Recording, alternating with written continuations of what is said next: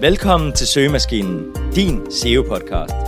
Dette er podcasten, der guider dig igennem SEO-junglen og giver dig muligheden for at få flere besøg på din hjemmeside.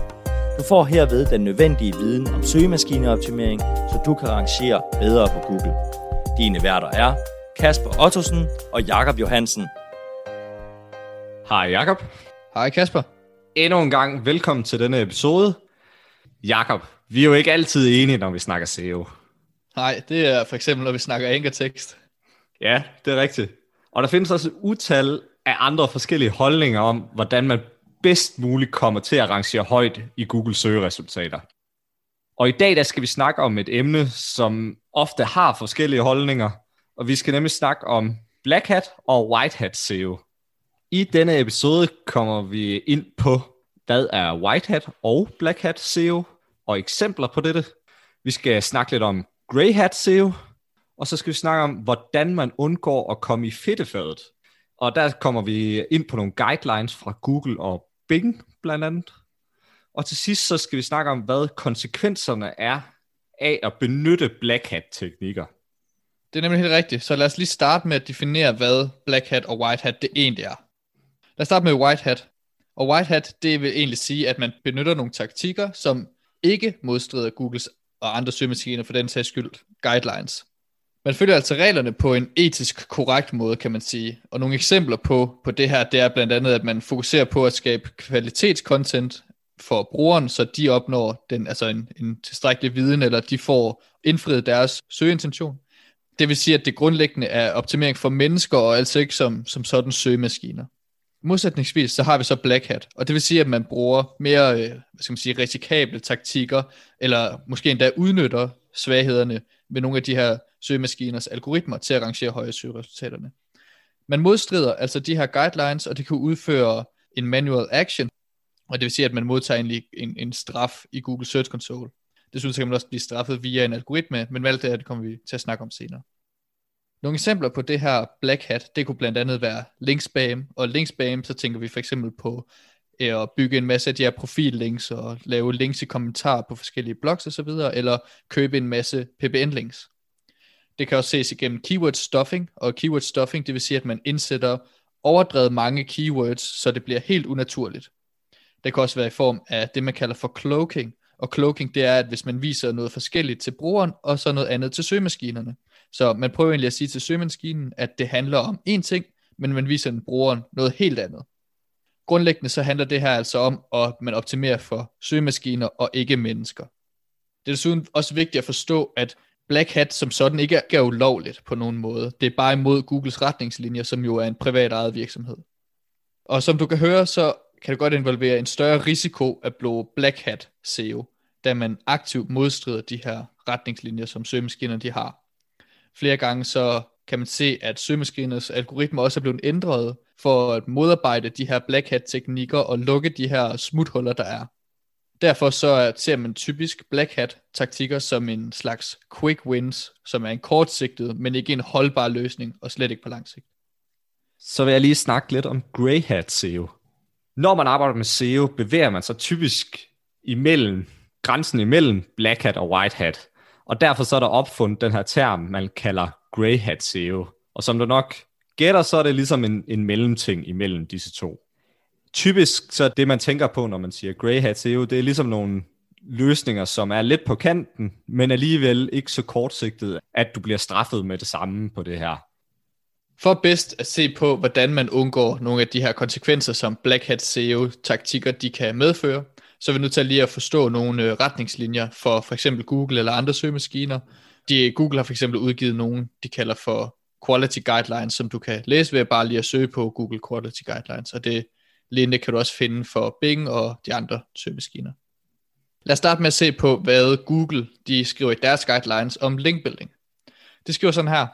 Any links intended to manipulate page rank or a site's rankings in Google search results may be considered part of a link scheme and violate Google's webmaster guidelines. This includes any behavior that manipulates links to your sites or outgoing links from your sites.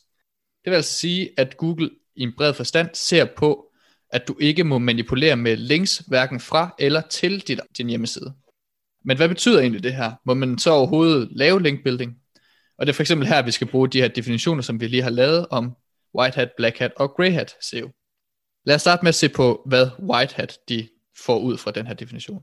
Så her så vil der være fokus på kvaliteten af content, og hvis kvaliteten er høj nok af det her content, så vil de automatisk generere nogle links til din hjemmeside.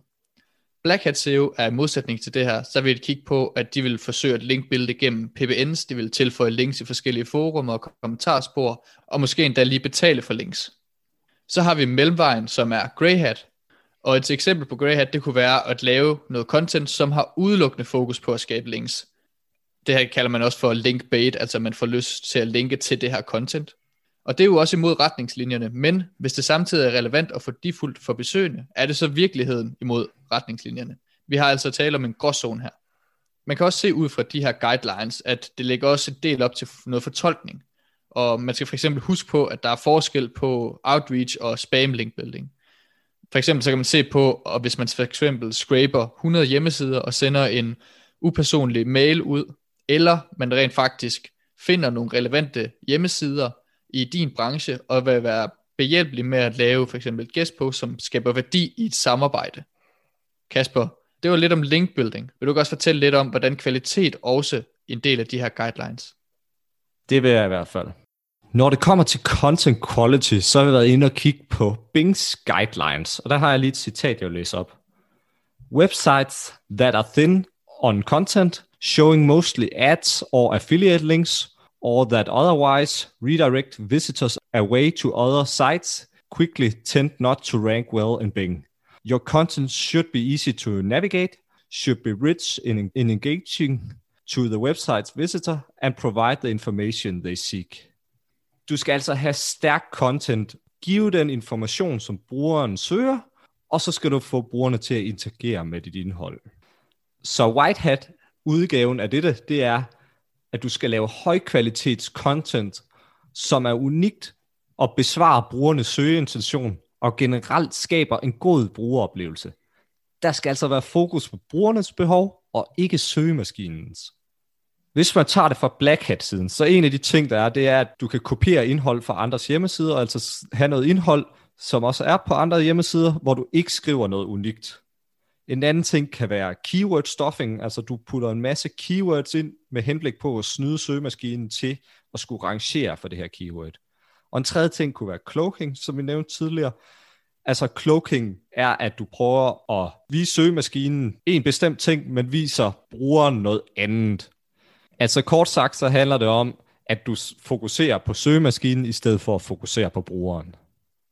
Greyhat-udgaven af dette, det kan for eksempel være, at du har en side med et produkt, hvor du laver noget tekst under, men hvor teksten egentlig ikke er vigtig for brugerens oplevelse. Det vil sige, for brugeren er det det samme resultat, uanset om teksten er der eller ej. Du bruger altså teksten til at manipulere søgemaskinen til, at, at du kommer til at rangere på dette. Men det kan fortælle, det er, en, det er en ting, som stort set alle gør, og som måske endda også er nødvendigt for at kunne rangere på Google. Nu har vi været igennem nogle guidelines for nogle søgemaskiner, og kommet med nogle konkrete eksempler på, hvordan en white hat SEO-taktik kunne være, og hvordan black hat og grey hat osv. Men hvad gør man så for at undgå at komme i problemer, hvis man så beslutter sig for at bruge nogle af de her black hat eller grey hat taktikker? Fordi problemet er jo, at i mange konkurrenceprægede nischer og brancher, som Kasper også siger, så er det svært at konkurrere udelukkende ved brug af white hat SEO, selvom Google sigter efter at nå til det her punkt, og andre søgemaskiner for den sags skyld. Derfor så kan det være nyttigt at inddrage nogle af de her black hat taktikker, men man skal selvfølgelig ikke gå efter de, altså de allerslemmeste, og, og dem som Google allerede har stort fokus på, som blandt andet er keyword stuffing, cloaking, link spam osv. Vi har en sommelfingerregel, som er, at du bør analysere dine konkurrenter, som allerede ligger nummer et, eller som rangerer på første side i Google søgeresultater, og se, se hvad de slipper sted med. Er der noget mærkeligt, der stikker ud? Er der noget, som du skal være opmærksom på her? Det kan fx være i forbindelse med link building, her kigger vi nogle gange på, er der for lidt nofollow links, er der for mange PBN links, er der en for aggressiv anchor text ratio, det er den her ratio, hvor meget gang du bruger dit brandnavn, hvor mange gange du bruger et exact match søgeord og så videre i din anchor tekst. Og det her, det er nok en af de mest vigtige ting, som vi, øh, vi har set, at, at sider ofte bliver straffet med. Desuden så kan du også se, om der er for mange links til de her såkaldte money pages, eller undersider sammenlignet med din forside. Hvis vi så kigger på noget content kvalitet, så er det blandt andet om contentet det er taget fra sider, som Kasper også nævnte før, som egentlig bare kopieret uden at tilføje noget ekstra værdi. Det kan også være alt det her keyword stuffing.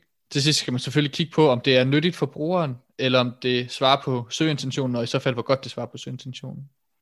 Og det er det selvfølgelig bare en tommelfingerregel og nogle ting, du skal kigge efter, men du skal så også selvfølgelig huske, når du kigger efter de her ting og ser på, hvem der rangerer på side nummer 1, så skal du også tænke på, at selvom de bruger black hat taktikker, så kan det godt være, at det er meget kortsigtet, og det er derfor også vigtigt, at du ligesom er, er kritisk og bruger din sunde fornuft til at kigge på, er det nu også de rigtige taktikker? Fordi på lang sigt, så vil de her black hat løsninger ikke være, være vejen frem.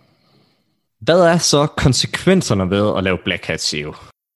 Som nævnt er det mere risikabelt at benytte black hat SEO, da det er imod retningslinjerne, og fordi Google og andre søgemaskiner opdaterer deres algoritme, hvor mange er designet til at lukke forskellige smuthuller og genveje i algoritmen.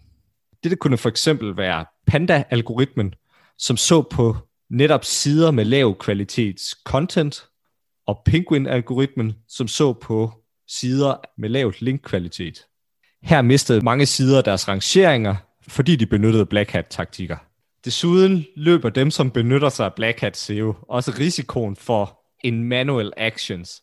Det er grundlæggende en menneskelig kontrollant, som sidder for Google og kontrollerer, om dit website ikke overholder Googles retningslinjer. Og hvis det ikke gør det, så får man en såkaldt manual action.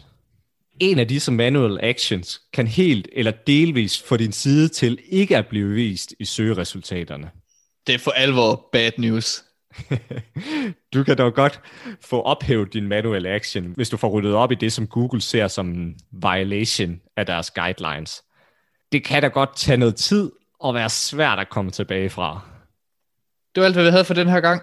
For kort at opsummere, så er White Hat SEO, når man benytter taktikker, som ikke modstrider Googles guidelines eller andre søgemaskiner, men i stedet for forbedrer sine organiske placeringer via content, som bliver linket til automatisk. På den anden side, så er Black Hat SEO, når man bruger risikable taktikker, eller endda udnytter svaghederne i søgemaskinernes algoritmer, for at rangere højere i søgeresultaterne. Og det modstrider altså deres guidelines. Til sidst så har vi den her blanding af det, som vi kalder for grey hat, som er en, hvor man går på grænsen af begge ting. Du skal da huske at fortolke de her søgemaskiners retningslinjer og se, hvad for nogle taktikker du kan benytte, og hvor risikabelt du synes, det egentlig er. En tommelfingerregel, det er så at kigge på konkurrenterne, og se på, hvad dem, der allerede rangerer, de gør. Igen, så skal du huske, at hvis alle bruger Black Hat SEO, så løber de også en risiko for at blive ramt af de her algoritmeopdateringer, eller få en manuel straf. Vi kan derfor ikke anbefale, at du giver dig i kast med Black Hat SEO, men fokuserer derimod på White Hat, som er essentielt på den lange bane, og så fortolk gerne retningslinjerne, alt efter hvor konkurrencepræget din niche den er. Men man skal så naturligvis bruge sin sund fornuft. Mange tak, fordi du lyttede med. Vi håber, at du er blevet klogere på forskellen mellem Black Hat og White Hat SEO. Hvis du kan lide podcasten og gerne vil høre mere, så vil det være en stor hjælp, hvis du kunne smide en anmeldelse af podcasten i din podcast-app.